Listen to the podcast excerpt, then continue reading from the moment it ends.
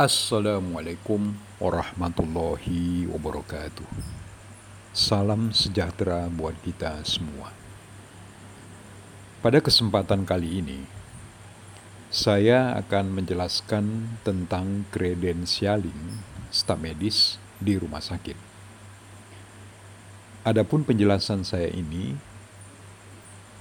merujuk kepada Peraturan Menteri Kesehatan Republik Indonesia nomor 755 tahun 2011 tentang penyelenggaraan komite medik di rumah sakit. Namun sebelum saya menjelaskan lebih jauh tentang kredensialing, ada baiknya kita melihat dulu apa yang dimaksud dengan institusi pelayanan kesehatan yang disebut dengan rumah sakit. Pada bab 1 pasal 1 dalam peraturan Menteri Kesehatan Republik Indonesia ini, pada ayat 3, disebutkan bahwa rumah sakit adalah institusi pelayanan kesehatan yang menyelenggarakan pelayanan kesehatan perorangan secara paripurna, yang menyediakan pelayanan rawat inap, rawat jalan, dan gawat darurat Sebagaimana kita ketahui, rumah sakit diakui merupakan institusi yang sangat kompleks dan berisiko tinggi atau high risk. Terlebih dalam kondisi lingkungan regional dan global yang sangat dinamis perubahannya.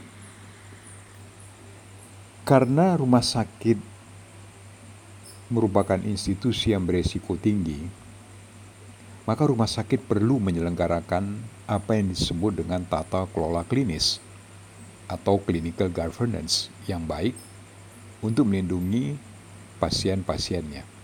Hal ini sejalan dengan amanat peraturan perundang-undangan yang terkait dengan kesehatan dan perumah sakitan.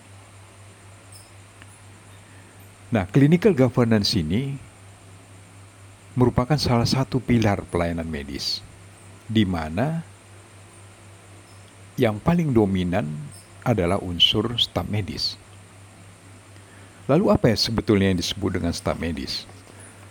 Staf medis adalah dokter, dokter gigi, dokter spesialis, dan dokter gigi spesialis di rumah sakit. Keberadaan staf medis dalam rumah sakit ini merupakan suatu keniscayaan. Kenapa? Karena kualitas pelayanan rumah sakit itu sangat ditentukan oleh kinerja para staf medis di rumah sakit tersebut. Dan yang lebih penting lagi, kinerja staf medis akan sangat mempengaruhi keselamatan pasien di rumah sakit.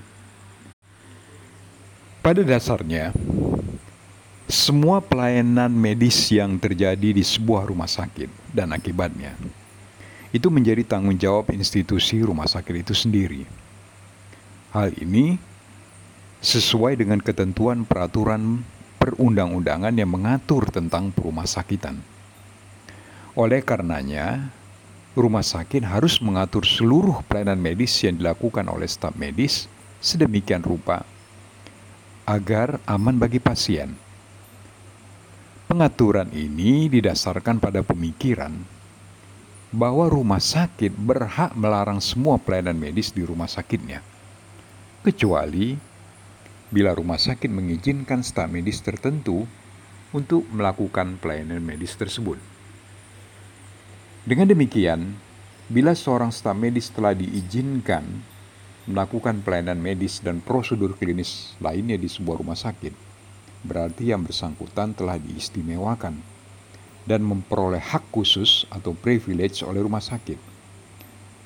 Hak staf medis tersebut di dalam peraturan Menteri Kesehatan selanjutnya disebut sebagai kewenangan klinis atau clinical privilege.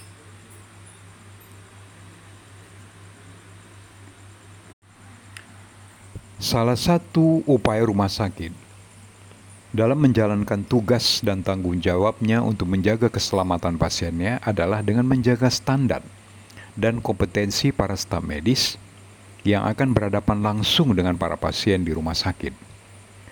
Upaya ini dilakukan dengan cara mengatur agar setiap pelayanan medis yang dilakukan terhadap pasien hanya dilakukan oleh staf medis yang benar-benar kompeten.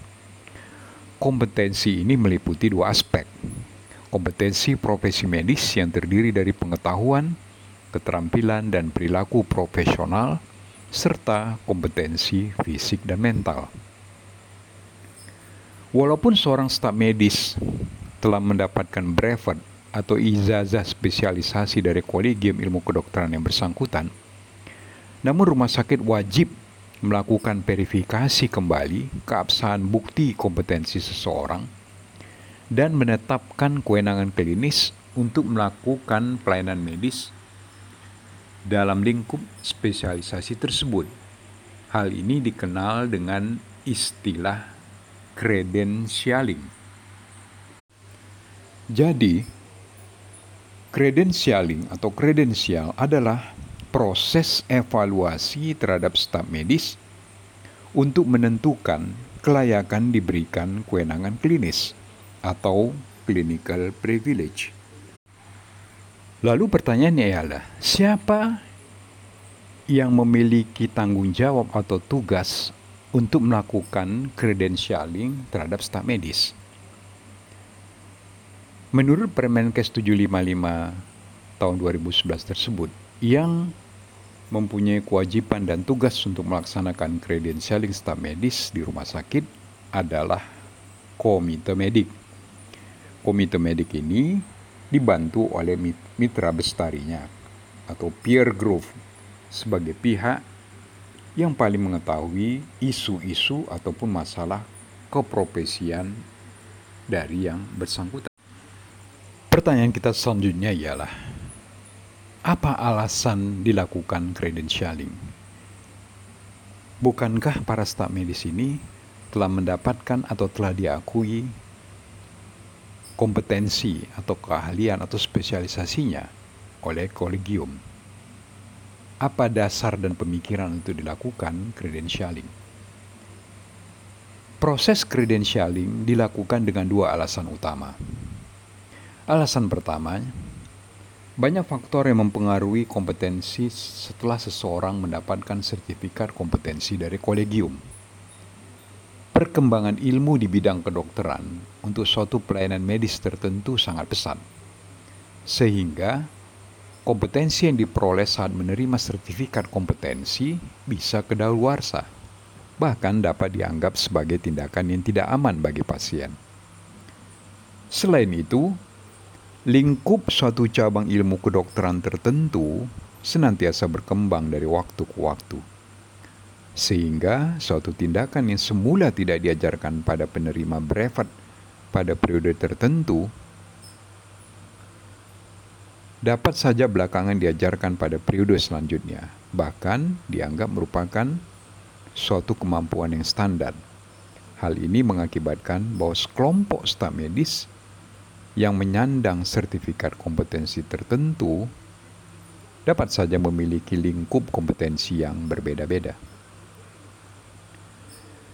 Alasan kedua, keadaan kesehatan seseorang dapat saja menurun akibat penyakit tertentu atau bertambahnya usia, sehingga mengurangi keamanan pelayanan medis yang dilakukannya. Kompetensi fisik dan mental dinilai melalui uji kelaikan kesehatan baik fisik maupun mental. Tindakan verifikasi kompetensi profesi medis tersebut oleh rumah sakit disebut sebagai mekanisme credentialing, dan hal ini dilakukan demi keselamatan pasien. Tindakan verifikasi kompetensi ini juga dilakukan pada profesi lain untuk keamanan kliennya. Misalnya, kompetensi profesi penerbang atau pilot yang senantiasa diperiksa secara teratur dalam periode tertentu oleh perusahaan penerbangan. Atas dasar kedua alasan di atas, maka kewenangan klinis atau clinical privilege setiap staf medis dapat saling berbeda, walaupun mereka memiliki spesialisasi yang sama. Seorang staf medis dari spesialisasi tertentu dapat saja lebih kompeten daripada yang lainnya untuk melakukan jenis pelayanan medis tertentu dalam bidang spesialisasi tersebut. Dengan demikian, kewenangan klinis atau clinical privilege untuk setiap spesialisasi ilmu kedokteran harus dirinci lebih lanjut.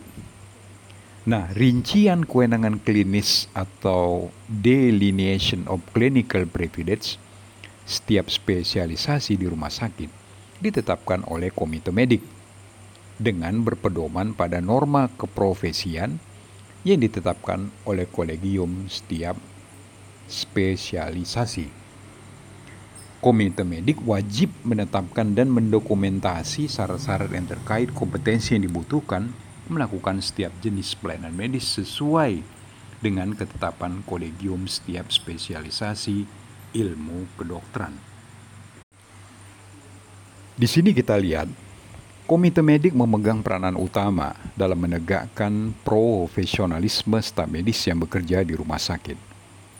Peran tersebut meliputi rekomendasi pemberian izin melakukan pelayanan medis di rumah sakit atau clinical appointment termasuk rinciannya atau rincian kewenangan klinis atau delineation of clinical privilege, memelihara kompetensi dan etika profesi serta menegakkan disiplin profesi.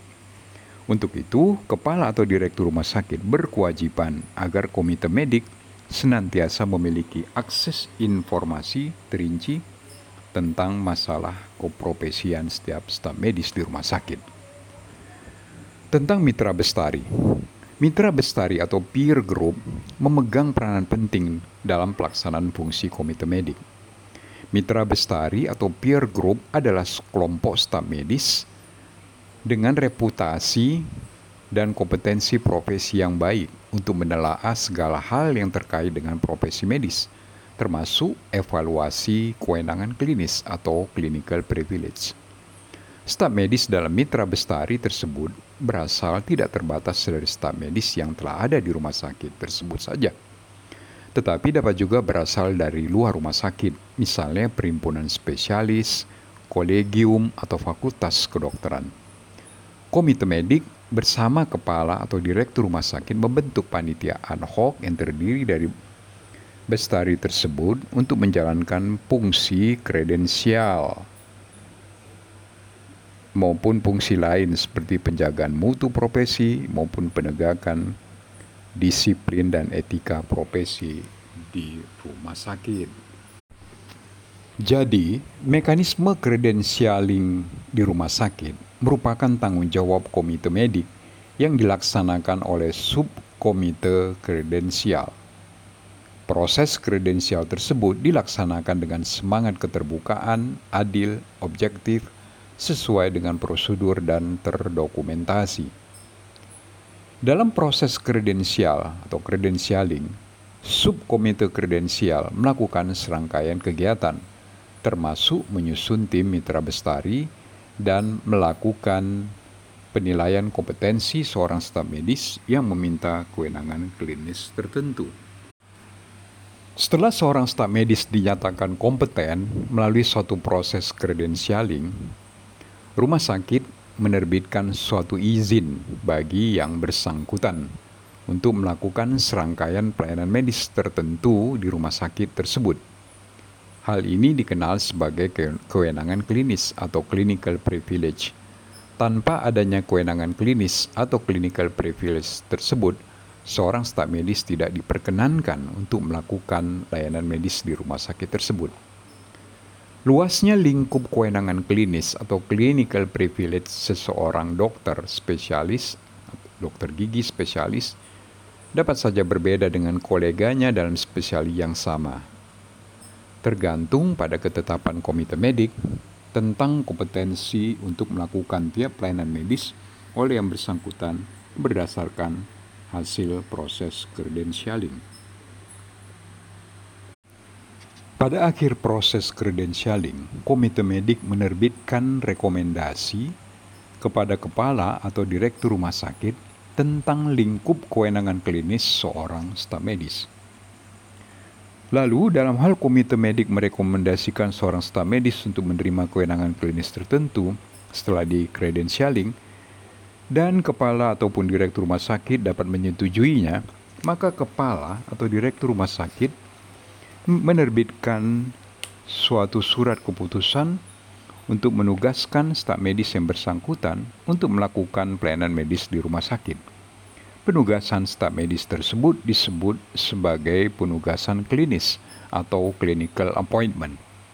Dengan memiliki surat penugasan klinis atau clinical appointment, maka seorang staf medis tergabung menjadi anggota kelompok atau member staf medis yang memiliki kewenangan klinis untuk melakukan pelayanan medis di rumah sakit tersebut. Kewenangan klinis akan berakhir bila surat penugasan klinis atau clinical appointment habis masa berlakunya atau dicabut oleh kepala atau direktur rumah sakit. Surat penugasan klinis untuk setiap staf medis memiliki masa berlaku untuk periode tertentu, misalnya dua tahun. Pada akhir masa berlaku untuk periode tertentu, pada akhir masa berlakunya surat penugasan tersebut, rumah sakit harus melakukan re-credentialing terhadap staf medis yang bersangkutan. Proses re-credentialing ini lebih sederhana dibandingkan dengan proses credentialing awal, sebagaimana diuraikan sebelumnya, karena rumah sakit telah memiliki informasi setiap staf medis yang melakukan pelayanan medis di rumah sakit tersebut. Jadi pada dasarnya, kredensialing tetap ditujukan untuk menjaga keselamatan pasien sambil tetap membina kompetensi seluruh staf medis di rumah sakit tersebut. Dengan demikian jelaslah kita lihat bahwa komite medik memegang peranan sangat penting dalam proses credentialing maupun pemberian kewenangan klinis untuk setiap staf medis. Wassalamualaikum warahmatullahi wabarakatuh.